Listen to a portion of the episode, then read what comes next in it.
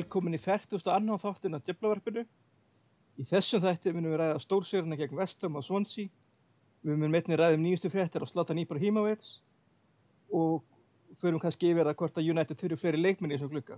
Ég heiti Magnús og með mér þættirum er það Björn Góða kvöldið. og Haldur. Sælabriðsæður. Svo við byrjum með byrjuninni. Afgerandi 4-0 sigrar gegn Vestham á heima og svo Swansea gegn útivelli. Þetta eru leikið sem fóru 1-1 á sísta tíðanbili sem er fjögur að stega bæting. Haldur, þú varst á leikskjuslu þegar United tók á mútið Vestham. Gáðu úslitir rétt að mynda leiknum? Já, engin spurning. Þetta bara, þetta voru bara því líkir yfirbörðir og, og hérna, það var aðeins í byrjun sem að Vestan var sko svona, kannski ekki mikið sterkari en kannski þá allan að sprækari. En svo um leið og United náði tökum á leiknum þá var bara ekkert aftur snúið og, og hérna, þetta var bara virkilega flott og, og góð og, og fyrst og fremst skemmtileg framist að hjá, hjá öllu liðinu. Ég bara, það er eiginlega hægt að segja nokkur af, einnig með að það átti engin, engin slæman dag, eða kannski helst að þetta segja kannski eitt og eitt atvik hér og þar en, en það átti engin, engin slagan dag sko. Og það er bara, þetta var bara virkilega skemmtilegt að horfa á þetta. Björn, við fyrir tíðanbilið gerum við smá svona spá og þessi byrjun í þessum fyrsta leik gefur hún spánu vægi? Nei, svo sem ekki. Svo sem ekki. Ég hérna, þetta var náttúrulega frábært fyrsti leikur, uh, frábært að vinna 4-0. Það er bara, uh, ég meina bara sigur er sigur. Við hérna erum ennþá í, í ágúst og það er ekkert, það er alveg hægt að vera svolítið rólegur en, en, en hérna, það sem var þannig í, það sem var í þessum vestamleik, það var akkurat, sko, þetta var smá, smá streðum tíma sko og í fyrra þá hefði, þessi leikur hefði aftur farið eitt eitt ef við hefðum verið að spila með sama lið og í fyrra. Gegn þessu nýja vestamliði sko. Þannig að hérna, neða ég vil 0-0. Þannig að hvað það varðar þá er, já það, jú það gefur spáni vægi að því leiti að þetta síndi ákveðna hluti sem við vorum að gera okkur vonir um í spáni. Ég held að það sé rétt að, ég held að það sé rétt að svari hvað það varðar. Já það er náttúrulega nýting á færum og, og þannig að, og meiri, og meiri stál hérna á miðinni svo tölum við um ný, þetta nýja stála miðinni, Nemanja Matic. Svá smell passarinn í þetta lið og, og svo skemmir ekki fyrir að hann getur spila fókbaltahaldur Já, það er bara kom hann er daldið óvart að sjá hann sko, ég viss alveg hann væri góður en uh, ég, þú veist, ég veit ekki að hann kæmi með allt þetta samt sko, að því að sérstaklega eins og hann var á móti Vestam og það er svo sem kannski skýrist að einhverju leiti að hann bara komst daldið upp með að spila þannig að því að Vest hann vantaði bara allt stál hann á, á miðjuna. En hann allan að nýtti sig það og gerði það mjög vel og var að fara fram og, og, og hérna, taka mjög virkan og góðan þátt í sóknarleiknum.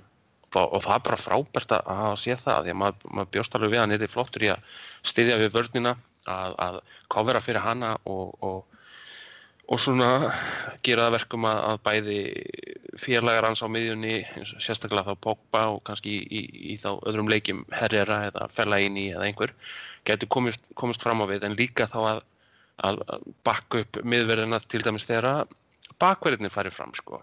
En svo er hann bara kominn, hann var bara fann að taka aktívan þátt og átti náttúrulega virkilega flott hlaup í aðdraðandanum eða sérst, upplöpunu sem skapaði fyrsta markið og það bara rosalega gott sýnir... feik, ekki beilinins feik vegna þess að hann hefði alveg getað vænst þess að fá bóltan Já, þetta var bara overlap á hans bara, þannig að ef hann hefði fengið bóltan þá hefði hann bara verið í kjörstöð á, á sínum vinstri fæti að koma með fyrirgjöf á, á Lukaku eða hvað sem væri komin í bóksi þannig að þetta var bara, þetta var bara góð hugsun og, og hérna og hafði, maður sáða alveg að þetta hafði áhrif á, á varnamennina þeir þurfti að skipta og það gaf Rashford akkurat tækifæri til þess að laumin þessari, þessari frábæri stungusendingu. Sem, sem Lukaku var búin að byggjum sem hann bara pantaði. Og hérna, og hún var framkvæmt mjög vel, þannig að þetta bara, þetta gaf uh, virkilega góða vitt í, í varnarleikin og, og alla pressuvinnu, en mjög góða vitt líka í, í bara sóknarleikin. En það er eitt við þetta, við þetta þessa sóknir mitt, það er hann, hann matið sérna einmitt hleypir hérna utan á og það þar alveg endur ruggla varnarmennin þannig að þeir geta allir einbitt sér að Lukaku. En sko markið sjálf. Hann kemur, er komin inn alveg í dauðafæri og hann setur hann sko stöngina inn. Hversu sko típist hefði þetta verið bara stöngin út í fyrra? Það er nákvæmlega sem ég hugsa þetta gæti verið svona ákveðin vendipunktur af svona kannski að svona hluti fara kannski að falla aðeins meira með okkur.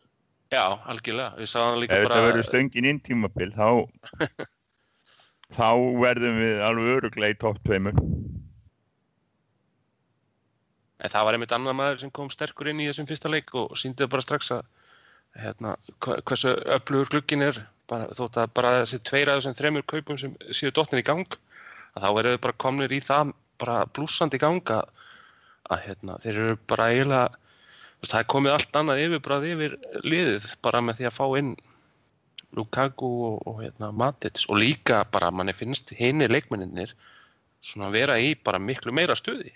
Og hvort sem það er þá bara þessum tveimur leikmennum að þakka eða einhverju annari vinnu, hvort það er ein, þeirra eigin vinna inn á við eða sameigilega vinna liðsins eða e, líklega einhver blanda því, þá er þetta bara frábært, þetta er bara virkilega frábært að horfa á.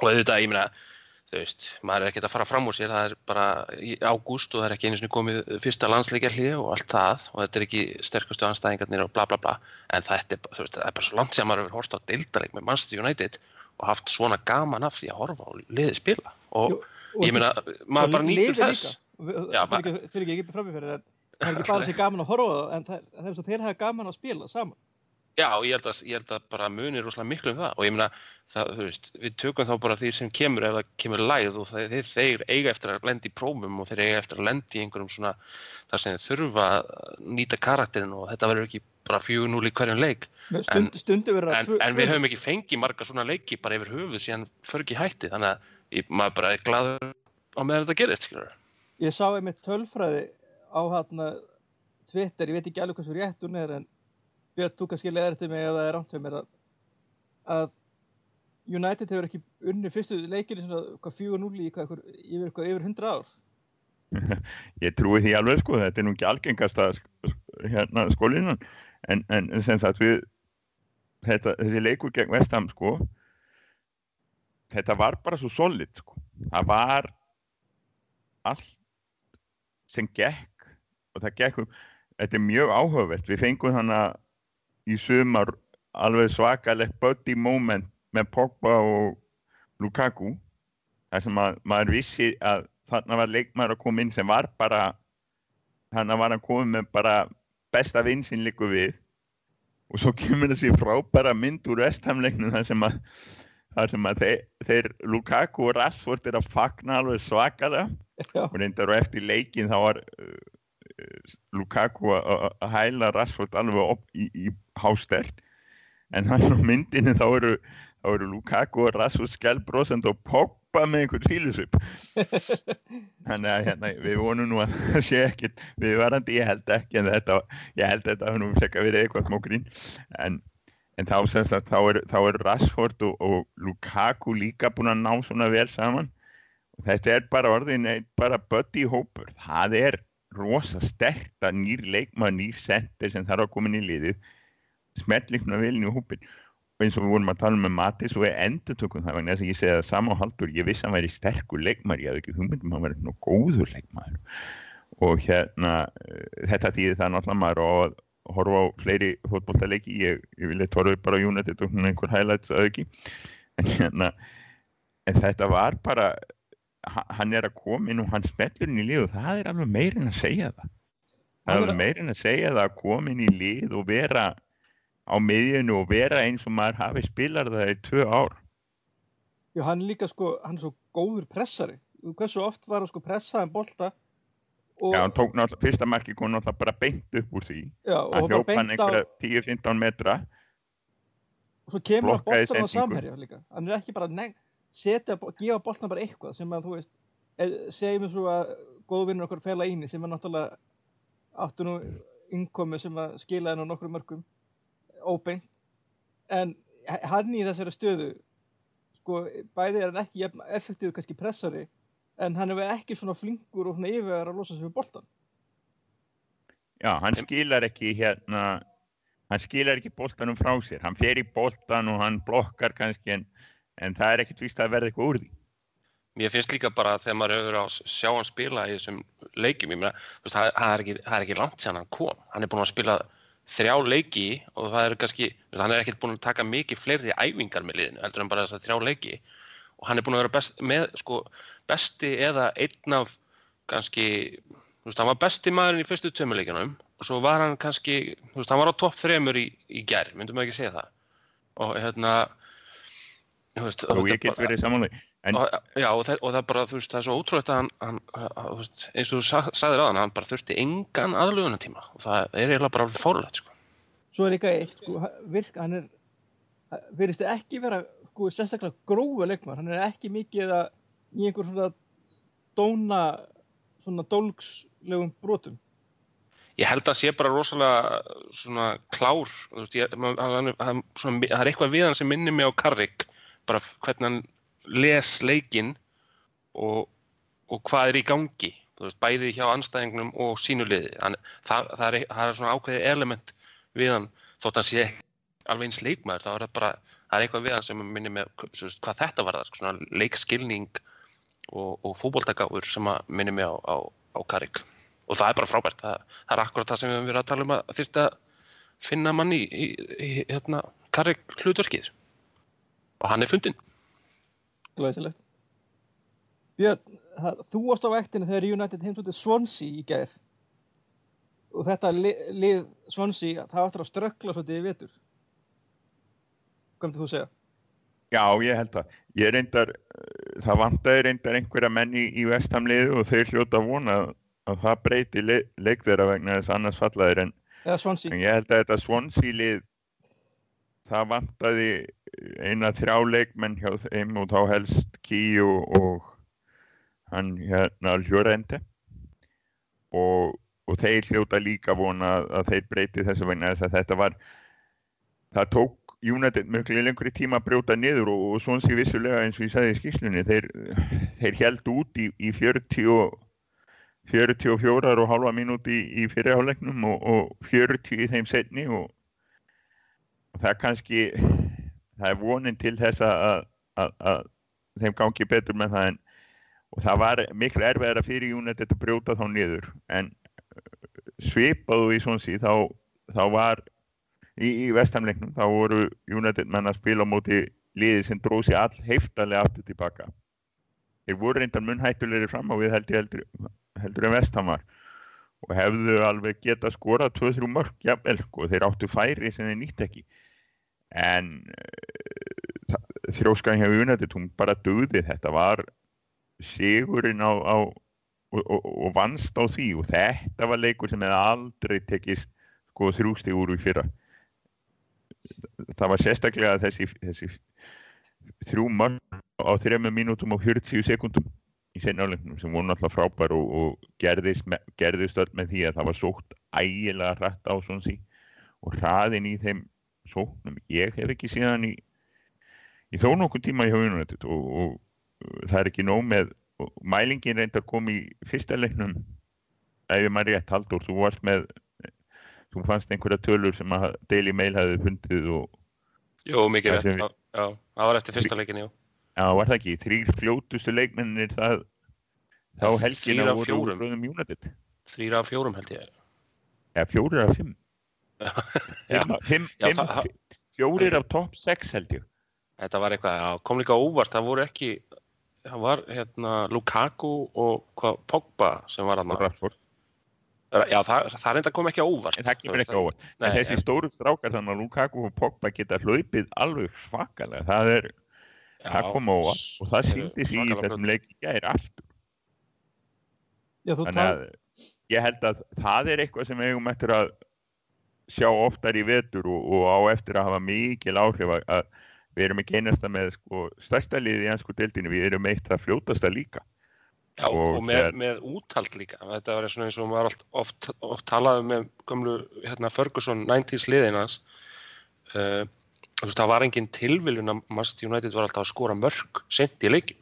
Það var bara því að þá var anstæðingurinn orðin þreyttur en United, þeir voru ennþá með kraftin og hraðan og, og hérna, áræðinina. Og þetta, þetta lið sem við erum með núna held ég að hafi það líka. Ég meina, hugsaði að vera varnamaður og vera búin að þeitast í kringum það að reyna að passa upp á annarkvort Martial eða Rashford í, í, í 70 mínútur og svo þegar þeir loksins fara út af þá kemur bara hinn inn á. Þú Veist, Já, óþreyttur, óþreyttur Úþreyttur. eins og Zapaletta skilur, hann var bara hann hann var svona hálf vorkendan um tíma þegar hann þurfti að díla við Rashford Ég svo fekk hann bara, bara Martial í hausinn sí- í lokin og það var ekkert ætla og að það, það þá sem náttúrulega er ekki síður er það að þessir strákar þetta, eru, þetta er þvílíkt leikið lið. Þetta er allt það flinki leikmenn. Eru sendingarnar og útsjónaseminn e, og, og, og þróskan eins og Marshall í hérna Lukaku markinu í gær. Böðlast upp hann, hann fær sendinguna böðlast upp áfram en næsti búin að detta gefst ekki upp, lætur sér ekki fara niður og þegar hann er næstum búin að missa boltanu þá var bara Mkhitaryan mættur á svæði með alveg ótrúlega lúmska sendingu á Lukaku sem hann búin að spila sig gjörsanlega dauða frían Já, það Það voru vel búin að snúa vörninni bara í margar ringi en, en, var æðislegt mark. en að því voru að markið svo sem Martial skora sjálfur þá er, þá er það Pogba sem á frábæra sendingu. Eftir frábært ræðurflöp og Martial gjörsanlega fintaði varnamannin upp úr skónum. Þetta eins og, Þetta er eins og Martial sem við sáum fyrst. þetta var Martial sem við og þetta held ég að sé bara alveg allt í góðu lagi eins og þú segir að hafa Rashford og Martial sem bóðlaup á varnamennina þannig að við erum basically með sóknamann sem, sem leipur í 90 mínútur. Það bara þarf að skipta. Og báðir fljótir, sko. báðir fljótir, báðir leiknir. Þetta er, þetta er svona Ég- óútreiknarlegir þeir gera einhverja hluti og varnamaðurinn þú veist, það er ekki bara það að varnamaðurinn verði sko líkamlega þreyttur, hann verður líka bara andlega þreyttur af því að þurfa að hugsa um hvað, ge hvað geti mögulega verið í gangi sko. en að því þið voru að tala um fella eini á það, þá vil ég bara benda á að, að sóknun þegar Lukaku skoraði það, það hófst eftir langa mjög góða sendingu fram frá fella eini þar sem hann fann Lukaku og Lukaku tók hann á brjóstkassan eins og hann hefur sennilega lært það að fella inn í á æfingu sko. þannig að ég ætla bara svona að taka upp, taka upp hanskan fyrir minn mann fella inn í sko. Þetta, hann hófs þess, þá sókn sko. gerði það mjög vel Ég held nefnilega sko að það fella inn í er klárlega sko leikmann sem er það að nota og, og hann er svona disruptor sem við getum sett inn á til að þess vegna er skipt svo miklu máli að vera með menn með honum sem að kannski leifa honum bara að vera það þannig að hann þurfi ekki að vera líka þú veist playmaker þó að reyndar það í þessu tilvætti þá er náttúrulega á hann þess að fínu sendingu hérna fram öllin svo segir. Hann, hann bara kemur inn í þessum tveimurleikjum og bara loka leikjunum. Er bara United, United vann realleikin eftir að hann kom inn á sko. það var bara 1-0 fyrir United og var, hann kom inn á í 2-0 stöðu á móti, móti West Ham og það endaði 4-0 og hann kom inn á í 1-0 stöðu á móti Swansea. Það endaði 4-0 þannig að hann- hann er svona, hann er gott í ameríska hafnaboltanum sem heitir Closer hann er, sérfræðingur í því þetta, er- hann á eftir að koma mikið inn á í leikjum í vetur svona, svona þegar það eru 20 myndu kortir eftir sko, og bara loka þeim En, en eitt leikmann sem við erum ekki búin að tala um mikið, eða tveir, ég ætla að koma inn það, ég ætla að byrja á þessum. Armirinn, Henrik Mkhitaryan, stórkostluður setnahálfleik í gerð. Og þessi send, sko stóðsendingin og markið hérna hjá Pogba, þetta er svona, þetta er svona fótballtaklám, eins og ég sagði við eitthvað sem ég hérna, var að horfa á leikið með. Þetta var bara pjúra fótballtaklám. Og svona, alveg bara delicious sending og, og, og, svo- og svo þetta arrogant vipp hérna veist, ef, að- ef að þetta er þetta, þetta er svona skal sko. þetta er rosalega vannmeti held í stundu hvað er erfitt að gefa svona rétt fastar sendingar ekki of laust, ekki of fast sérstaklega í þessum tungum og hann átti þannig að tvær, stóðstendingar í leiknum í gær. Báðar alveg fullkomna gjörsanlega fullkomna hann átti líka tvær, tvær stafsendingar í fyrirleiknum hann, hann, hann er bara mann fannst þetta líka á honum í sumar. Ég er bara búin að vera alveg á því þú veist, í öllu undirbúinist tímabilinu þá fannst mér hann bara líta út uh, bara fyrir að hann kom am svo mikill ákveðinni inn í þetta mann fannst hann bara vera virkilega ákveðin í að standa sig. Og það skila sér alveg á vellinum og það er bara virkilega gaman. Þú veist, hann þarf ekki að eiga ný, góðan, góðar 90 mítur en hann getur átt svona sendingar og þá er bara búinn þar, hann þarf og að, mér, mér finnst það samt hafa verið að vinna líka mi- bara góða vinnu fyrir liðið. Og hann og þú veist þessi, þessi hérna fyrir aftan Lukaku og framan Pogba og Mat, Matic. Og þeir eru búin að vera mikið að, veist, það er mikið flæ, gott flæð á þeim og þeir eru að kofera og, svona reyna að ruggla í vörninni með því að skipta og eitthvað og það var bara, þeir gera það virkilega vel og það er gaman að fylgjast með því. Það er búið rosalega fínar skiptingar á þessum þremur mönnum í, í þryggjamannavilinni þar að segja Rashford, Mata og Mkhitaryan. Einmitt þetta að, að uh, sem þetta Rashford vann hana til dæmis aukaspyrnu á hægri kantinum leiknum í gær, að komin yfir á hægri kantin róteringar, góð skipting. Þetta er hluta því að þetta það er bara orðin miklu meiri hérna áhersla á, á það að menn eiga að geta verið í 90 mínútur á fullu blúsi og, og þetta að skipta þetta, þetta tekur henn miklu orku og er- þurfa að vera að hlaupa yfir alltaf og, og þetta er ekki hægt með að menn sé í hörku góðu formi þannig að En ég held líka að þessi leikmenn sem hafa verið að spila þarna plús í rauninni fleiri leikmenn sem að United á á bekknum eins og, eins og, eins og var Martial og, og Lingard jafnvel líka þótt hann hafi ekki sömu tæknilegu svona hæfileikan eins og veist, að gefa sendingar eða eitthvað svoleiðis að ég held að þeir samt hafi allir eða svona upplifir það að þeir hafi allir mjög gaman að því að spila fótbolta nákvæmlega svona. Og það held ég að sé eitt af því sem sé að skila sér í því að manni finnst þegar maður er að horfa liðið að það hafi meira gaman af fótboltanum. Og þessi leikmenn eins og þú veist, Mata elskar þetta, elskar að taka gott hlaup og fara einhvern veginn og reyna að finna þessi pláss og reyna svona uh, spotta hvar, hvar, er, hvar vörnin er viðkvæm og allt þetta. Og hafa þá gauri eins og Mika Terjan til að vinna móti því sem að getur þá þú veist, að því að Mata finnur sér eitt pláss og þá losna pláss annars staðar og þeir, eru bara, þeir eru bara klárir í þessu. Og ég heldur hafi mynd líka bara mjög gaman að því. Þannig að það, þetta er bara frábær blanda sko. en ta talandu það hérna, þessi taktík sem við erum að spila þetta er náttúrulega verið að þetta sett upp sem fjórit fyrir þrýræð en manni finnst svolítið þegar maður horfir þetta, þetta sé meira þetta sé meira jafnvel sko fjórir einn fjórir tveir heldur en hérna einn seg heldur en hitta því að þú veist, að mat er ekki alveg út í kanti sko og Nei, ég skil hvað að menna. Ég held að það sé hluti af því að, að í báðum þessum leikjum þá droppa liðin sem við erum að spila við svo rosalega tilbaka. Þannig að Pogba þarf ekki að vera í þessari tveggjamanna aftari miðlinu. Þannig að það, en það náttúrulega er alltaf þannig, ég minna, þú getur talað um sko fjóri, fjóri, tveir, fjóri, þrý, þrýr, eitthvað, eitthvað, eitthvað.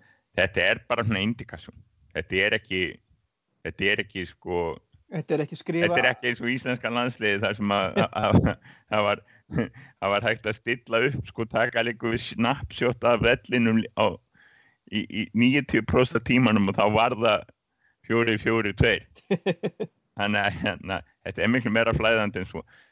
Þetta er uh, þetta er, já, þetta er já, já, eins og þú segir, þetta er fjóri, reitt, fjóri, reitt Pogba er það framalega og hinn er líka eru það hreyfanleira, það er ekkert við, er, við erum bara að nota þetta sem svona smá þetta er bara er verið, hvað í hvar menn eru og svona oftast.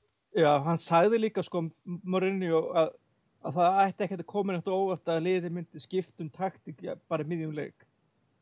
Og það verist vera sko, það getur verið einmitt að þeir verjist í fjóri, tveir, þýr, einn. En þeir eru að sækja þá er þetta alveg sko, þá er þetta jafnvel fjóri, þrýr, þrýr og jafnvel, já, sko- já, vel, og jafnvel en, en fjóri, við tveir, hefum fjórir eftir að sjá fjóra, þrjá, þrjá sko í leikjunum þegar að Herrera kemur inn. Já, en þess að það verða við erum nú strax að tala um eða við erum strax að tala um sum staðar að, að hérna, hinn eða þessi þurfa að fá meiri spilatíma og ég held við, hefum nú eftir að sjá þegar leikja álægi kemur og það verði einhver meðsli vonandi engin, engin að ráði en það verði það að fá allir sín tíma þetta er síst og stór hópur. Og það er bara gott að vita því að við erum með fullt af leikmunum sem eiga að geta tekið tekið byrjunarlið, við erum með Herrera þannig á fyrir miðjuna, við erum með Lingard og, og, og Marshall á, á bekknum. Við erum með fullt af backup. Það er bara rosalega gott. En svo við höldum áfram á rosamönnum það eru tveir sem við erum ennþá ekki búin að nefna. Það voru tveir á bestu mönnunum í gær. Ég, ég le- leið mér að giska þú ert vantilega meina af hvað Phil Jones og Erik Bæi. Þú ert að giska alveg hárrétt vegna þess að ég heldur að það veri Það var einmitt, Phil þú Jones ætlaðir var að fara að segja Já, annan eða báðan af þeim var það ekki einmitt. Pass, vegna þess að það, það var bara rosalega tröst og þeir hafa verið rosalega tröstið saman og uh, Chris Smalling er ekki að fara að spila leikin nema að verði einhver mikil meðsli Ég ætlaði, með- spurningi sem ég ætla að spyrja ykkur báða, bara, þú veist, að þetta þarf ekki að vera nefn flóki, bara já, bara já og nei spurning. Er þetta miðvara, sterkasta miðvara sem við höfum í dag? Þá kallar Rokko kemur aftur og sannar sig sem að já, hann kemur aftur en hvort hann sannar sig það veit ég ekki, hann var góður í vor. En þetta er, þetta er ekki spurning. Já, Ég, ég er alveg samanlega því sko. Gæti sann að sig, Lindelöf gæti stíð upp en eins og staðan er núna þá er bara engin, þá er þeir alveg sko, þeir eru mjög langt á undan nokkru öðru pari, Jones og Bay, Bay og hérna. Og þeir líka eru, veist, þeir eru báðir veist, þeir eru báðir harðir af sér og þeir geta líka báðir spila fótbolta eins og ég meina Smáling er góður í ákveðnum hlutum en hann samt hann er ekki góður þegar hann þarf að fá boltan en Jones til dæmis getur alveg spila boltanum og Bæi getur það í rauninni líka. Þeir eru svo sem ekki þú veist, þeir eru engin, engin Ríó Ferdinand þegar kemur að því en, en veist, þeir eru samt flinkir skilur, þeir geta það alveg. Og, Já, það er náttúrulega ósengjant, náttúrulega, Ríða Ferdinand var náttúrulega bara já, já, já En eins og, meina, vandamáli þú veist, hva- hvað misnerti með Phil Jones var aldrei það að hann væri lélegu fótboltamaður, Nei, það er bara er ekki spurning. og, og meina, hann- það, það sem hann má alveg eiga til dæmis, hann Phil Jones hann, þú veist, hann náttúrulega hefur ítrykkað lendi í meðslavandræðum en það hefur eiginlega aldrei tekið hann nokkurn einasta tíma að komast aftur í gott form, þú veist, hann bara ef hann er orðin nógu heill til að spila leik þá er hann bara eiginlega orðin 100% gó- þú veist, það, það, það virðist ekki þurfa neitt sérstakann tíma til að komast í leikform eins og sömur aðrir. Nei, þetta Þa, það er gríðarlegu kostur því að jafnveg þótt hann haldi áfram að lendi í meðslavandræðum og þá geta hann alveg nýst liðinu uh, þegar hann er heill. En, en ég ætla svo sem ekki, ekki þú veist, maður vonast, maður er búin að vonast núna síðustu ára alltaf til þess og krossa puttuna að þetta, þetta verði tímabilið þar sem hann nái að halda sér heilum. Og ég meina, ef hann gerir það þá, þá getur þetta alveg verið bara staðan hans út tímabilið þess vegna sko. Já, fylgd, hann er náttúrulega bara 25 ára og maður hugsa sko ef hann loksins tekst sko að svona að, svo, svona, að körpa sig aðeins að fara ekki alveg með sama kannski veist, og þá og ætti hann geta ná, ná að haldast svolítið heill Já, líka, ég meina, það getur kannski, þú veist, mögulega er það bara besta fyrir hann að vera mitt með bæi við hliðin á sér og matits fyrir fram að sig, þá veit hann, þú veist, hann þarf ekkert að fara í þessar trukka tæklingar, þú veist, hann er með, með þetta, þennan, hérna, nagla við hliðin á sér í vörninni, þú veist, hann getur bara þá treyst honum fyrir einhverjum að tæklingunum líka, skilur, þannig að þá kannski hefur það einhver, einhver áhrif líka. Þetta minnir mig svolítið á einn fyrirvændi leikmann United sem svolítið, er svolítið í slúru núna og við þurfum ekki að fara út í það sérstaklega en, en, en, en, en það var einmitt leikmaður, Johnny Evans var leikmaður sem stóð sér rosalega vel einmitt en hann var alltaf að spila með annarkvort Ferdinand eða Vítits á árið sem hann var frópar vegna þess að þeir voru alltaf mittir það tímabil hinni en alltaf hann- þegar hann, spilaði með góðum varnamanni þá var hann Já, og, og, og, og ég fór að hugsa það saman með Jones hann er að spila loksins með alveg topp traustumanni, ekki með smóling eða einhverjum. Og þá, þá er það þannig að menn geta deilt svolítið þessu álægi sem er á hafsenda. Að einmitt þetta þurfa að vera tækla og þurfa að vera í einhverju grimd og þurfa að vera í einhverju vitleysu.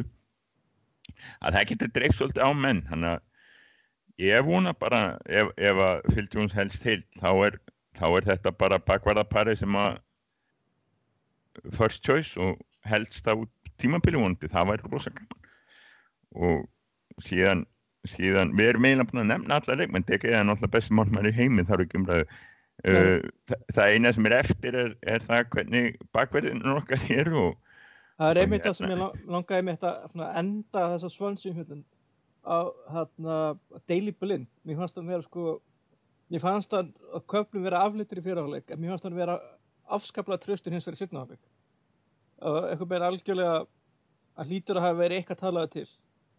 En mér fannst þarna sko þegar maður horfið hérna á fyrirháleikin hugsa maður okkur, nú skil maður okkur að það var búið orða okkur við leikmenn hérna vinstramegin en hérna en Sko við náttúrulega erum að býða eftir því að fá Luke Shaw vinstra er það ekki, er, er, Jú, jú, er ekki held Blind að við verðum annar- bara að gefa honum séns. Sko, það- Þú er hægt að fara í vor. Fyrir Já, það er bara eitt sko, mér, hérna, fyrir mér, ég kannski, þetta er kannski ekki vinsalegasta skoðunin, en að þeim leikmenn sem við höfum í dag, þá finnst mér eins og Deili Blind eftir svona þriðja valkostur í vinstrabakur. Ég myndi, eftir, sko, eftir Darmian. e- eftir Darmian. Og, og Já, eftir sjó eftir Darmian. Ég, ég er svo sem ekkert ósamála þetta er uh, gegn þessum liðum þessum tveimur, þá er hann allt í lagi sérstaklega af því að kostir hans fram á við eru alveg klárir. En svo talandi, en svo þetta en hann er sko, ekki mikill varnamáður svonsili, þetta svonsili, sko, hefði þetta skora ykkur mörg. Ég hugsa, sko, með Lorenti hérna, þá hefði einhvað þessum, sko, þá kom þetta fín skallafæri sem að hefðu alveg geta, sko, þessi leikur hefði alveg geta spilast öðruvísi. ég tann og um með að ægu hefur skorað hann á fyrstu mínútu Já, nákvæmlega. þannig að það er, þetta er það eru, það eru hann sem að hægt er að skoða uh, vinstra megin, já við býðum eftir sjó og vonandi all, allt sem að maður heyrir er það að hann sé loksins búin að skrúa á sig hausinn skrúa hausinn á sér fastan í stæðið og þá kviknar á perunni og hérna þá verður hann náttúrulega, hann er rosalega fýtt varnamár, hann er frábær fram á við þannig að ef að hann kemur eins og hann á að geta gert þá er það vandamál leist Þá líka er hann option ekki bara sem bakvörður heldur líka sem til dæmis wingback sem er eina ástæðanum fyrir því að ég, eða svona sem ég held að sé eina ástæðanum fyrir því að Mourinho hafi viljað fá til dæmis Perisic var Já, til hann að- sagði það beint út. Já. hann, hann vantaði mann í 3-5-2 Ég held að hann hafi nefnilega hugsað Perisic mögulega sem jafnvel bakvörð líka. Þú veist, hann hafi bara verið hugsaður sem svona fjölhæf, fjölhæfur kostur í nokkra döður Ég, ég, Þannig held, að ég, ég- held, Já, ég held að það hafi verið fyrst svona aðalega sko vingbakk, svona aðeins framle, framleikjandi og og hérna, og, og svo kannski vin, frammelega vinstamenni með því að jafnvel á vinstri kanti. Sem er náttúrulega ótrúlega flott að hafa þú veist, leikmenn sem getur spila bara vinstra megin á vellinu, bara algjörlega. Já, hann- og hann við töluðum um bakka fyrir Pogba líka sko. Já, en, En- en það verður- það sko. en það verður eins og nefndi þetta kemur í janúar sko, við erum ennþá í janúar klukkan og, og það er alltaf fróðult hvað gerist þar. Það, það En svo- en svo og Valencia hann er bara eins og hann er. Hann er ekki alltaf sterkast í varnamæðurinn og, og hann er ekki alltaf, alltaf tröstu fram á við lengur. Hann, hann á ekki mikið meira en eitt tímabil eftir ég. Nei, ég myndi sem sko eitthvað first choice. Og þá er þetta alveg held ég síðasta tímabilin. Að því að og, við þurfum meira. Veist, hann er svona eins og Tryggvi myndi segja sko, hann er svona hann er svona frambærilegur en ekki mikið meira það. Og allt inn eru konur á þá skoðum sko að við séum með bara í 11 manna liðinu þá eru bara tveir eftir og ég vel bara einstað eftir sem er þannig, sem er segir okkur. Við, við sem sagt þessi, ég ákvað það einlega eftir leikin í gær að þanga til eitthvað breyttist þá ætti ég bara að vera ansi kókraustur og hafa gaman að United til að spila flottan fótbolta búin að vinna fyrstu tvo leikina skora átta mörg sem yfirleitt tekur þetta 5-8 leiki hjá okkur. Já, sko, 15% bara hafa gaman að þessu. Eru við þeir- eigum ennþá eftir fjóra leiki auðvelda á pappirnum Everton heima er svo erfiðast af þeim og hann getur eitthvað verið mjög erfiður eða þeir halda áfram að bæta við þessum munum eða taka eitt center til að mynda. Já, það er nú ekki með það er eða er Diego Costa. Sem er Sérstaklega líka þeir eru með menn sem að eru vanir því að skora móti United eins og, eins og Gilvi he- hefur verið djúlegu við að gera sko þannig að það að verður svona hættulegt. erfið en það eru sagt næstu fjóru leikir út september, deildaleikinu út september. Það eru leikir sem á eiga að vinnast á pappinum og, og með spila mennsku eins og þessari þá vinnast þeir. En, en svo bendum við á það að, að hérna á sama tími fyrra þá vann United fyrstu tvo leikina sína fór svo í leik á móti nýkomnu liði sem hafa búið að vinna fyrstu tvo eins og Huddersfield núna, þannig þá var Húl búið að vinna fyrstu tvo. Vann svo alla leiki viðbútt þannig að hérna og fjórði leikurinn hjá United var á móti City og skýtapaði þannig að þetta er mjög fljótt að breytast en þetta er bara rosalega gaman núna vegna þess að við sjáum það að við eigum möguleika á því að að basically þeir eru að vinnast á hlutum sem eru nýjir og betri enn í fyrra og eiga að geta haldið áfram. Ég sagði einmitt eftir sko vestamleikir að allt við þann leik og þá framistuði myndi mig á 5-1 leikir mútið fúlhamum árið þegar var þetta 2006-7 tímabili sem var svona comeback árið hjá Ferguson og, og United liðinu þegar var Nistelrooy á færin og, og allt yfirum voru Ronaldo og Rooney orðnar aðalspilnur og enginn held að getur spila saman. Það var svolítið ekki þannig drama fyrir þetta tímabili en, en það er eitthvað svona bragur við bara svona skora bara svona afgerandi. Og byrja svona afgerandi. Og Já, maður er, maður er búin að vera að býða líka eftir í þetta var einmitt eitt af því sem ég hugsaði uh, fyrir þetta tímabila mér langaði að sjá United taka svona leiki í deildinni og bara slátra þeim. Við, við höfum ekkert verið að sjá mikið af því. Ég meina síðustu, sko síðustu tvö tímabil þá var einn leikur þar sem að United skoraði fjögumörk síðustu tvö tímabil síðustu, síðustu fjögur tímabil þá, þá, þá voruð sjö sko. Var það ekki, ekki Lester eða eitthvað í fyrra? Jú, fjö, jú Lester leikurinn, það var enda fýll leikur, fjögur eitt eða eitthvað hérna, en, en jú, það var einu leikurinn síðustu tvö tímabil. Tímabilið hjá Vangal þá var engin leikur þar sem að United skoraði meir en þrjú mörg sko, ekki einn einasti. Og það var sögulega fá mörg já, já, einmitt. Þá tók það, tók það einmitt sex leiki að ná átta mörgum sko en ég, ég held að hérna, eftir þessu sölu svörnur hjá Trygg og neða á Gilfa sig að hérna, ég held að aldrei hafi jafnmækir íslendingar hægt að halda minni einu liðu og akkurat á því mómenti þegar staðfrjössuréttundu komu að vera komið til leigurstofn Já, ég held að ég megi að ég eftir að fækka ansið duglega leikjunum hjá Swansea sem verði betni útsendíku og stöðtöðu sport í, í vettur sko. Ekki skrítið. Fjörgar hjá Evertón Nei, þetta er, já, bara ég held að við um einfallega að hafa gaman að þessu núna. Og bara njóta þess að njóta þess á meðan það er. Nákvæmlega. Já, ég, ég var einmitt sko eftir hennan, eftir hennan uh, West Ham leik, það var ég bara alla vikuna bara gegja peppaðir fyrir komandi leik. Og ég man ekki hvernig ég var síðast svona, þú veist, alveg bara heila viku, þú veist, alveg frá sunnudeginum, frá því að leikunum var búinn, þá var ég bara, þú veist, í vinnunni alla vikuna að bara ein, a, a, einhvern veginn aðeins á hugsun leikin, alltaf aðeins bara, þú veist, bara eitthvað, já, ég, bara fegin, þú veist, bara litlu hlutin eins og þetta væri hádeisleikur, þá var ég bara geggja ánað með það, að þá var ég, var ég bara aðeins stittri bið, tala ekki um, sérst, munurinn á því að hafa lögadagsleik frekar en sunnudagsleik. Og hérna, þetta er bara, þetta er bara ógeðslega skemmtileg og góð tilfinning og, og bara með þetta endast sem lengst sko.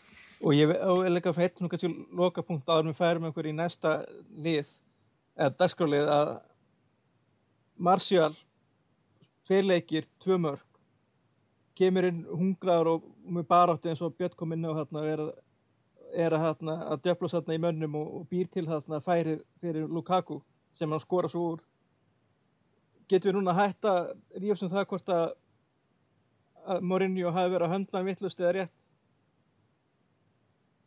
Já, ég held það. Ég held að látum það bara líka. Ég, von, ég vona að byrja í næsta leik af því að ég, mér finnst hann verið að bara búin að sí, bara sína hann eigið það skilið með fullri vinningu fyrir Rashford. Ég held að Rashford hafi jafnveg líka gott að því að taka þetta hlutverk að vera, vera á bekknum og koma inn uh, með látum. Og ég held að það muni... Það var aðeins of dræmur í gær sko.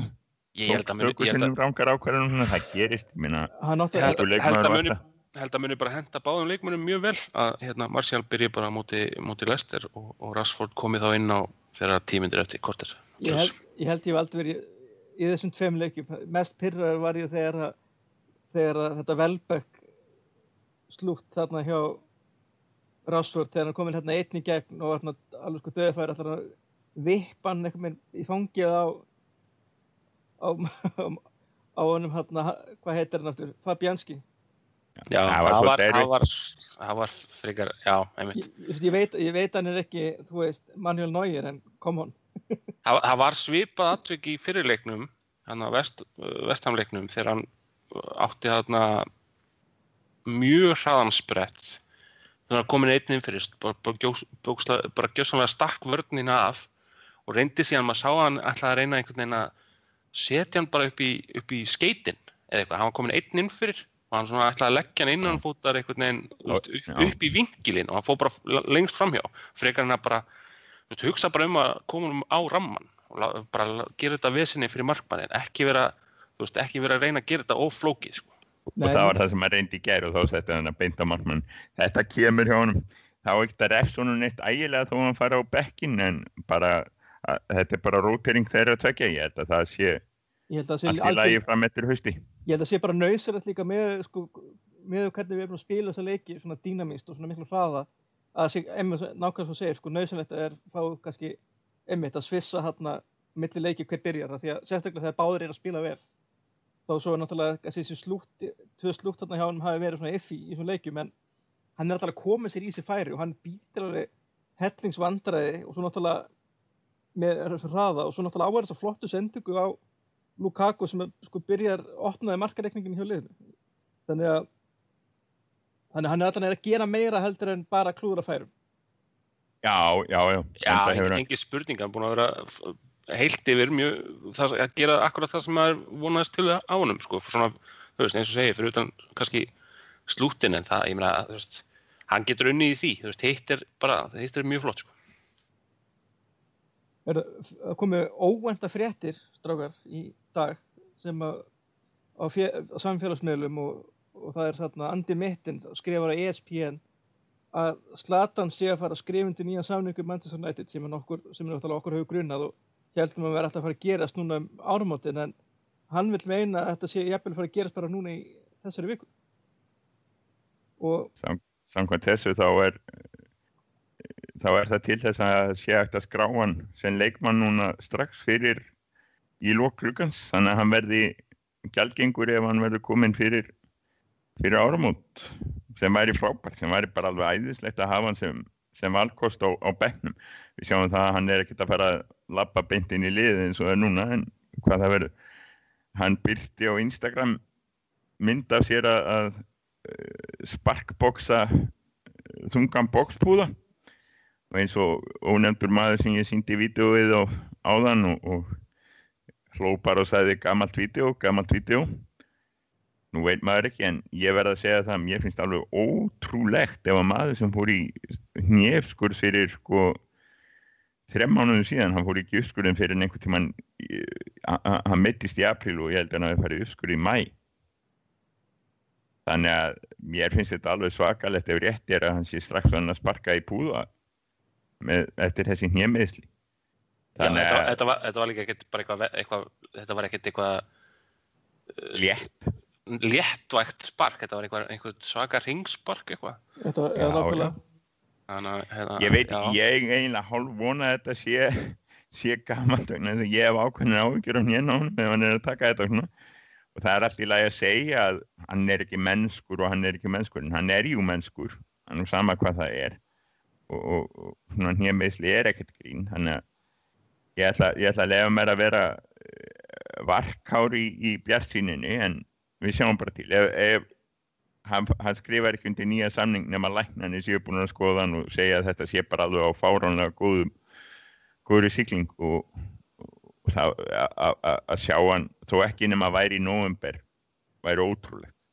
Bara ég þau akkur þegar þegar að fer að þingja hérna í- eins og í desember að að gera bara fyrir það- jól, jólatörnina bara, fyrir, fyrir þá törn þegar þú veist, það er að loka leikirnin í meistradildin þú veist, í, í reyðlakeppninni og svo beint inn í, inn í jólatörnina þú veist, að fá hann inn ef hann myndi náði fyrir það, það væri bara geggjað, sko. Ég meina, hugsaðir fyrir lið að þurfa kannski að díla við Lukaku og Zlatan, báða ef að, veist, ef að liðið þurfti að sækja sér þú veist, ef það væri jaft og eitthvað kortir eftir að vera með að báða inn og bara.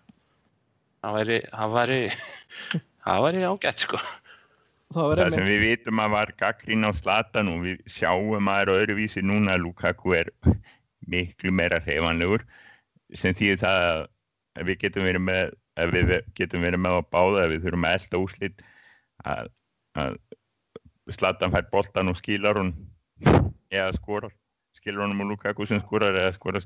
Þetta, og, og þetta hann er bara ef það er bara allt slatan kemur inn í desember og þá getur einmitt einmitt spila eins aftar þú veist, bara, að það bara örlítið fyrir aftan við einmitt Lukaku og þannig að minna, þú, hann er alltaf að draga í þessi menn og það getur verið við, þú veist, þá geta þessi kjannar sem vildu bara ekkert annað en 4-4-2 og Old Trafford geta kannski fengið þeir einhverju leik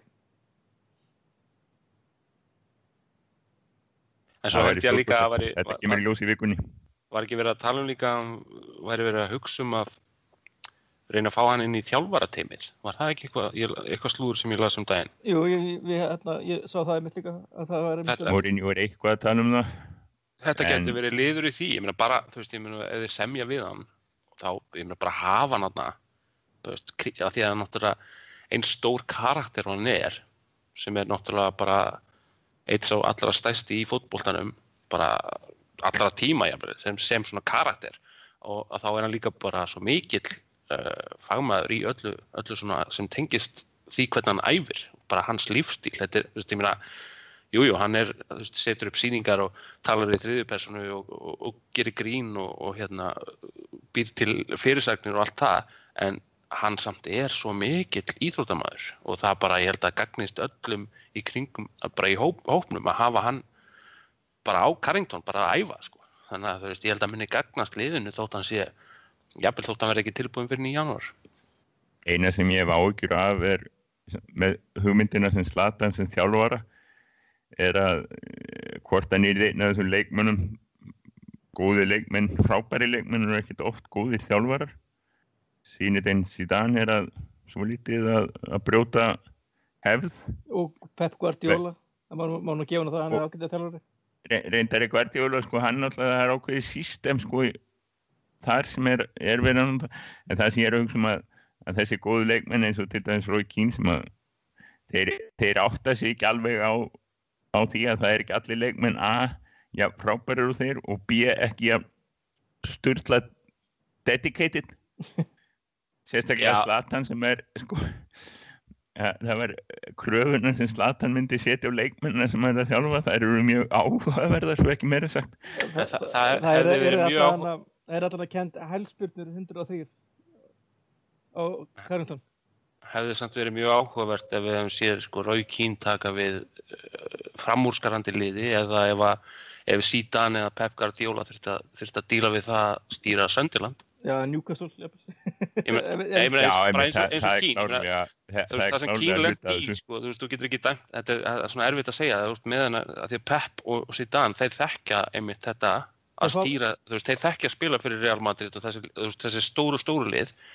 Og ég meina, þú veist það er, kannski, náttúrulega það er með kannski þetta er með- eins og að vera að tala um með Giggs að þú veist, kannski verður hann fyrir stjóri. Kannski er hann frábær stjóri ef hann fengi að stýra almennilegum leikmunum kannski verður hann ekki góður stjóri ef hann fengi bara að stýra, þú veist einhverju championship liði ég meina, þú veist, síðan hef, þú veist, hvað hefði hann gert með veikari lið, þú veist við vitum það ekki, en en hann er að gera frábæra hluti með, með Real og, og er að, alveg að sanna sig sem stjóri. Ég get- tek ekkert á hann með það en þetta er svona og hann er ekki búin að kaupa henni stórn upp Nei og er búin að gera flotta taktíska breytingar og svona man management þú veist og þetta, ég meina, ég tek ekkert af honum með það en, en þú veist, ef hann þú veist, ef hann þyrst að díla við það að stýra Real Sociedad eða, eða hérna Sönderland eða eitthvað þú veist, það væri það bara allt annað ég vil, með, ég, vil, ég vil meina sko fyrir þá sem að vilja ekki meina að Zidane sé, sko, sé heimskosta þjálfari ég vil benda henni á það að, að Real er búin að vinna alla titla sem hægt er að vinna með Keil og Navas í markinu.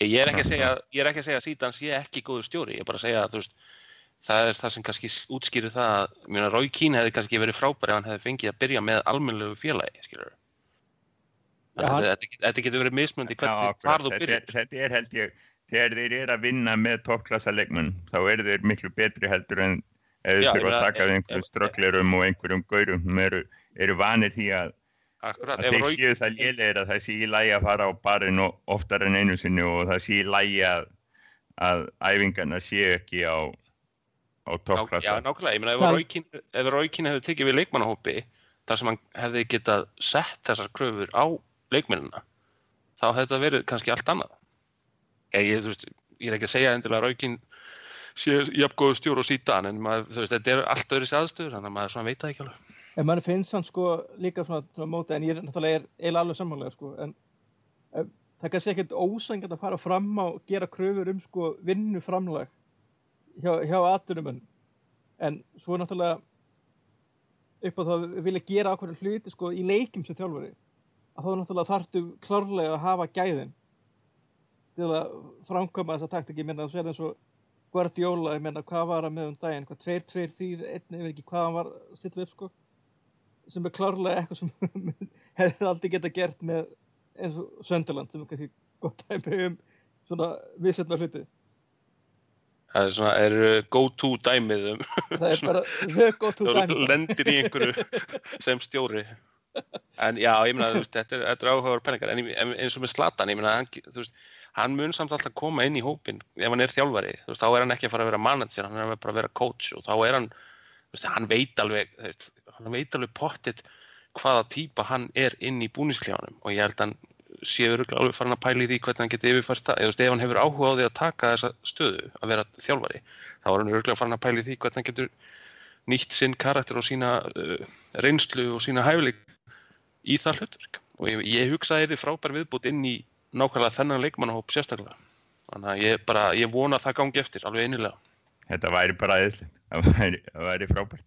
Þetta eru bara, er bara, þetta er bara góða fréttir. Við getum alveg vel að samanlóða. Þetta er, er ekkert við þetta sem er í rauninni slemt. Að fá hann inn fyrir áramót. Og hérna, svo náttúrulega var talað um fyrir þetta tímpil og við mikið búin að tala um það að þessu fjóri leikmenn sem að Mourinho vildi fá í þessum glugga. Það væri svona í fjóra stöður og við erum komið þrjá. Og Slatan var klárlega fyrir utan það mingi og svona þetta er bara svona ekki kannski stórspurning en, svona, haldið það muni fyrir bæta svið og, og í hvað stöðu myndi vilja fá nýja leikmann inn í hópin eða byrja þér haldur sko ég held að það komi engin annar. Ég, ef, að, ef að ég ætti að velja þá myndi ég vilja bæta við Perisic. Þú veist, hann var með mark og stóðsendingu núna í leiknum. Þú veist, við erum, við erum að taka upp hérna á sunnundaskvöldi leik, leikurinn sem var núna í kvöld í ídrösku dildinni, þá var hann með mark og stóðsendingu. Það var hann að spila hann þar að vinstri vængin hérna í 4-2-3 reitkerfinu en gæti leist af í fleiri stöðum. Og ég hugsa að myndi ekki hamla til dæmis þessu sem við sjáum með hérna uh, Martial og Rashford. Þannig að ég, ég hugsa hann væri góð viðbútt en kannski svona upp á það sem við vorum að tala um þá væri kannski mögulega líklega skinsanlegra að taka einhvern, einhvern bakvörð ég hafði einhvern þá svona ég veit ekki, kannski er, er, er þetta að finna kannski öflugri útgáfa að Darmian einhvern svona sem getur tekið báða bakvörðastöðunar og, og gert það vel fram á við líka eða, eða hérna ég veit svo sem ekki hvað leikmaður það eitthvað vera. Það, fyrir einhverjum árum þú var það Filip Lam en, og svo er genið við ekki nefn Diskilio sem að fór frá Mílan til svona, hann spila báðu megin og er, ég, veit, ég bara veit ekki hversu góð hann er fram á við nei, ég hugsa ætla að sé ekki bara orðið þannig að þá bara frekar en að bæta við bara einhverjum þú veist, að, það, það þarf þá að vera einhver sem er augljóslega að fara að koma vel inn í þennan góða hóp og að fara að bæta hann verulega þannig að annars er betra líklega að geima það sko. Mourinho talaði um að það væri hægt að býða fram í janúar og ég held að það sé orðið bara raunin. Eins og við erum búin að segja öllum podcastum í sumar að við vitum alveg nákvæmlega hvað Perisic kæmi með og það er eitthvað sem að þarf og það er ekkert margir þann úti sem eru með þetta. Hann, hann, sko ekki gleyma því, hann getur spila báðum einn. er yndir í Evropakefni Nei, er það? þannig, við, þannig það, Þannig að hann gæti komið í janúar og verið samt Evrópu gjaldgengur. Já, þannig, þannig að það er kannski eitthvað til í því að, að það verði, þetta verði bara unnið og klárað bara eitthvað tíma núna í haust og, og svo verði það bara tilkynnt og svo kemur hann bara 1. janúar.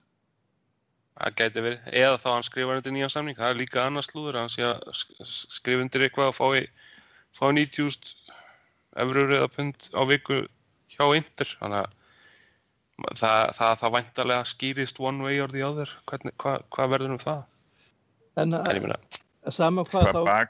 ekki það mæki, Já, hvað nei. bakvarðastöðuna Já, var klár- þar? Klárað þú bara?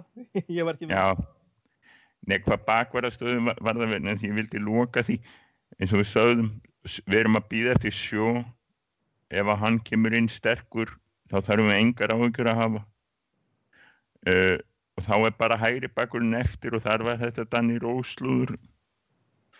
Uh, Manchester Evening News er alltaf með eitthvað clickbait fyrir sögnir um eitthvað sem ég nenni ekki í tíundar hluta tilfella að smetla á þeir voru eitthvað news about Danny Rose hvort það hefur verið að hann hafi farið út og keipt sér að McDonalds eða eitthvað, það veit ég ekki. En hérna voru það Nuggets eða voru það Big Mac? Ég, það er náttúrulega spurning. klikk, sko, ef klikk. á Nuggets þá er hann að koma eða Big Mac þá verður hann áfram. Já, en hérna nei ég veit það ekki, það þarf að kaupa fjórðu ef það er eitthvað sem þetta sumar sínur okkur er það að leikmann hafa orðið alveg styrlað dýrir. Uh, þeir eru ennþá dýrari þegar United er að snuðra í kringum þá. Og eh, meg, ég vil frekar sleppa því vegna þess að það opsjónunar eru þannig fyrir. Við erum með Já, Marcel og Rashford eru búin að koma vel inn núna og vonandi haldast heilir þannig að nema að vera meðslavandræði þá ætti þetta að vera allt í lægi sjó er að koma Rocco er að koma getur spila, eða sem það kemur í janúar og getur spila vinstra megin. Hægri bakverðunin þá er Valencia alveg nú góður þó við séum smá pyrraði stundum á honum nú orðið. Þannig að það þarf að vera alveg rock solid dæmi sem er að koma inn á réttu verði vegna þess að ég nenni ekki að vera að óborga, eða ok, ekki mínir peningar og allt það og who cares ef það kemur einhver inn en það verður alltaf að vera rétti maðurinn sem kemur inn og helst ekki einhverju allt of styrluðu verði. Va- væri, Nei, ég er alveg sáttur ef að klukkin lokar svona. Þú nefndir þetta nefnir þetta Danny Rose. Þú veist, það verður klárlega leikmað sem myndi alveg passa inn í eins og við erum að spila núna. Ég meina, og þannig náttúrulega bakverður og líka vangbakverður og er öflugur fram að snöggur og er þið dýr og hann er 27 ára sem ég neyndar, ég man, kemur alltaf manni jafn mikið óvart að einhver leikmaður sem maður heyrði fyrstum fyrir sko fyrstum maður fyrir 8 árum og svo er hann nefnilegur í 5 ára og svo er hann góður í 2 og það kemur mann alltaf mikið óvart að hann sé það orðin 27 ára já. en hérna þannig að ég aldurinn, ég myndi vilja fá ef við ætlum að kaupa bakur þá vil ég helst ekki fá einhvern sem er mikið eldur en 25 ára Já, það var, það var, var það ekki, við fengum með mitt Evra hérna á hvað 25 ára þegar hann kom til okkar. nákvæmlega, já, var ekki En ég þannig að ég meina, en me- miðað við bara, þú veist, nútíma fótbolt og svona, meina, me- miðað við allt og allt og þá 27 ára Danny Rose ætti alveg að geta spila á þessu level í svona 5-6 ár. Og, og sama tíma erum við jafnvel með Luke Shaw, þannig að vera með þá tvo, ég meina, vinstri bakur ennska landsins. Eða er en við erum aldrei að fara vandamáli er náttúrulega það að við erum aldrei að fara að kaupa leikmann af Daniel Levy sem við óborgum ekki fyrir. Nei, klálega, klálega. En, en það var náttúrulega sögursættur um það að, að það væri eitthvað fann að þrýsta þá félagskipti, ég þá spurning hvort að Pochettino segi það bara, herru, við, hérna, ég, ég er með Ben Davies hérna sem að getur leist þessa stöðu, ég menna, ég vil ekki hafa leikmenn hérna sem að eðilegur harmoníuna í búnuskleunum, þú veist, við erum ekki Liverpool, við látum ekki hvað sem er gangi yfir okkur. Ég held að það er líka spurning veist, með þetta tóttanam lið þetta er, er allt happy happy, joy joy hjá þeim núna. Þú veist, búið að ganga frábælega vel síðustu tvö tímabil búin að spila skemmtilegan bolta og ná árangri. Fyrir utan þannig reyndar að vinna einhvern titilega byggar en svona, þú veist, næstu því og mikið næstu því. Ef að þeir myndu til dæmis sko algjörlega floppa þessu tímabili gengur illa á Wembley þú veist, missa kannski af uh, Champions League sæti, gengur illa þar vinningan byggar og þú veist, leikmenn vita það að þeir eru allir á lægri launum alveg, sko, þú veist, þeir getur þrefalda launin sín einhverstaðar annar staðar þú veist, það, það, það er ekkit það er ekkit útilokað að það gæti orðið bara svona smá flótti þaðan ef að tímabilið endar illa eh, næsta sumar. Og ég meina eins, eins eh, slingur og lefi er í svona viðskiptum um að sérstaklega selja leikmenn og hérna þá ég veit ég ekki hvort hann geti alveg haldið stíplunni ef að, ef að það gerðist sko. þá geti verið hægt að, að nýta það sér það, þá, það þá sko. er það Alli og eða Del, Dele og Kane sem að við myndum vera síkt á þá Já, já, að en um Danny það Rose væri kannski hægt, væri, já, já, ég meina það væri bara mjög ekki- gaman ég, ég er verið að ekki hugsa um fyrsti þetta leikmaður saman en, hann er, hann er ekki fyrstileikmöður, það væri kannski að taka einhvern pakka til bara. Ég hef verið að hugsa um þetta sama einmitt ef að tóttina gengur illa. þetta já, þú er einmitt Já, Costco. Já, þú, þú er einmitt, einmitt tala um þetta, Björn, einmitt, að þetta sé svolítið mikið og breykið tímbil fyrir tóttunum upp á það að halda sem hóp og Já, þannig, klárlega. þannig að maður þarf að fara að kaupa eitthvað tóttunum þá er það klárlega í fyrsta lagi næsta sumar Ég myndi halda það. Og þá líka, en, en, svo einmitt, en eins og ég sagði, ég held að við séum allir saman um það, eða bæti, það þarf, ef það á að bæta við einhvern, þá þarf það að vera mjög, mjög hnýtmiðu kaup, frekar en bara eitthvað. ég, ég geti til þess ekki að sé sko beil kaup, ég veit ekki alveg hvað hann myndi passa inn í liði eins og við erum að spila núna. Þú veist, ég er ekki að segja stakk beil hann myndi gera sko eina sem er að beil er það að hann er smá meðsla sjúkur þannig að að öllu öðru leiti þá myndi hann passin í liði af því að hann myndi láta sig passin í liði My- mynda, ég, mynda ég held við inn ekki, ef við fáum möguleika á beil og þetta var reyndar komin reyndar upp af því að, að Marco Asensio sem að ég verði að viðkynna, ég var ekki búin að hugsa alltaf mikið um en, en er búin að vera en, en markasýrpan ef, ef að hlustendur leita á Twitter þá, þá geta þið fyndið markasýrpu cirka tvær mínútur að marka á Asensio og setja boltan á 20, 30, 40 metra færi allt síðasta sísón og það er spurning hvort að Gareth Bale fer að horfa á hann og hugsa hvort hann komist nokkuð í liðið. Og ef að það er málið, ef við getum fengið Gareth Bale þá tökum við Gareth Bale. Það er bara óskupið það þarf ekki að hafa, við þurfum ekki að við getum borgað 100 miljónir fyrir hann og 110 jafnvel og, og ég ætla ekki að segja orð um það að það sé óborgun já, hann er bara komið í ljós hvort hann helst til hann geti líka leist þessa bakvarastöðu, hann er nú með reynslu þar. Að það væri vel hann er Já, ég meina það var, hann var bara fyrirlega svona eftir búin hann, hann var hann vinstri bakvar hjá tóttunum og komst ekki svo sko, bara hann komst í liðið, þeir bara töpuðu fyrstu, hvað var það, 36 leikinu sem hann spilaði? Nei, Já. þeir unn ekki leik fyrstu 36 leikinu sem hann spilaði. Já, það var eitthvað það var hérna ég vildi við þeim hann þá. Nei, nei, ef, ef við eigum möguleik á Gareth Bale þá tökum við það er Við- eins nýtmiðu kaup og hægt er að hafa þau.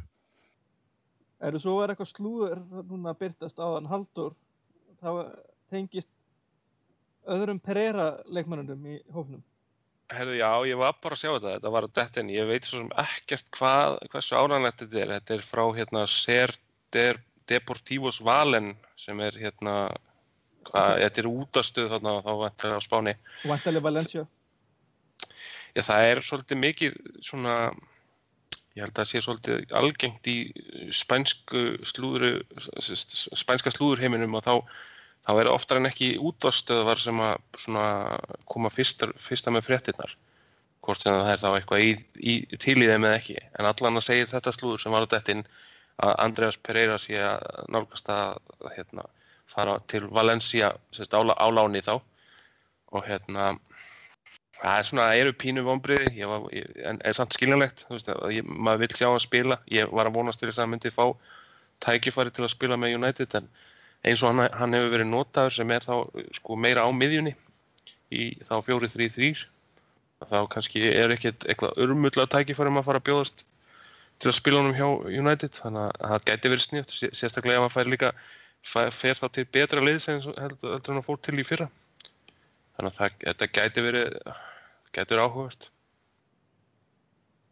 En eins, já, eins og ég segi ég var Ég var svona búinn að aðalega vonast að- hvað, var þetta Katena Ser nei, kat, uh, þetta er þetta heitir uh, bara SER Deportivos Valencia útastuð, þetta er bara þú veist, kemur í gegnum þau. Ok, þarna. þannig að hérna já, þetta, ég, þetta, já. þetta er ekki, þetta er ekki twi- Twitter aðgangur sem ég hef séð mikið veist, í umræðinu þannig að kannski veist, set alla fyrirvara á að þetta geti verið algjört bull. En ef þetta er, ef þetta er útástöð sem tengist Valencia þá er alveg síðan að þetta sé þú veist, að því að það er að fjalla um Valencia þá kannski hafa þær einhver, einhverjar innan búðar heimildamenn um það sko. ég sé að hann er að fylgja þessum reikning allavega hann, hann Tom Coast hann að Já, já, og reyndar Þannig að við fáum, þeir kötta GM oft ansi Ballack vel líka. krappið sko. Sportvittnis kötta krappið ansi vel, þannig að Já, við sjáum eitthvað frá þeim, við, þá- við fáum það vantarlega í fyrramáli frá Coast, hérna, einhverja ítalegri greiningu á þessu og getum þá, getum þá meldt þetta betur. En jú, jú, þetta, ja, þetta er kostur að galla við þetta bara. Já, en þetta er klárlega eins og staðin núna bara slúður. Þannig að við Þetta er, já, já, já. getum anda aðeins léttar allan að, og það er bara lán, ég menna, ég eh, þú veist, öruglega ekkert vittlis hugmynd, þú veist, þannig að að ef hann er ekki að fara að fá, sko, marga mínútur eða leiki, þá kannski er betra að hann fá að vera líkilmaður einhvers staðar annar staðar og prófa það, sko. En, en, hérna, já. er, þá hérna er þessu bara lokið hérna, en það er eitt sem ég langar að segja hérna áhalum við förum. Við erum að leita nýjum penna á þessa síðu og fyrir þetta tímabil. Einu kröfunar eru bara brennandi áhuga Manchester United og þörf er að tjá hann þá í skrifum veist, á síðuna með, með leikskíslum eða einhverjum pislum eða þá að bladra með okkur í þessu podcasti. Og svona þokkulega tök á íslensku þá rítuðu máli og talandi er, er sérstaklega vel séð. Og við viljum hvetja hvenna aðdándum til að sækjum og aðal ástæðan er svo að Manchester United á sér aðdándur af öllum kynjum. Og við viljum fjölbettari rættir í þetta samfélag okkar hérna. En þáttur verður alltaf ekki lengri þetta skipti og takk fyrir hlustuna. Takk, takk.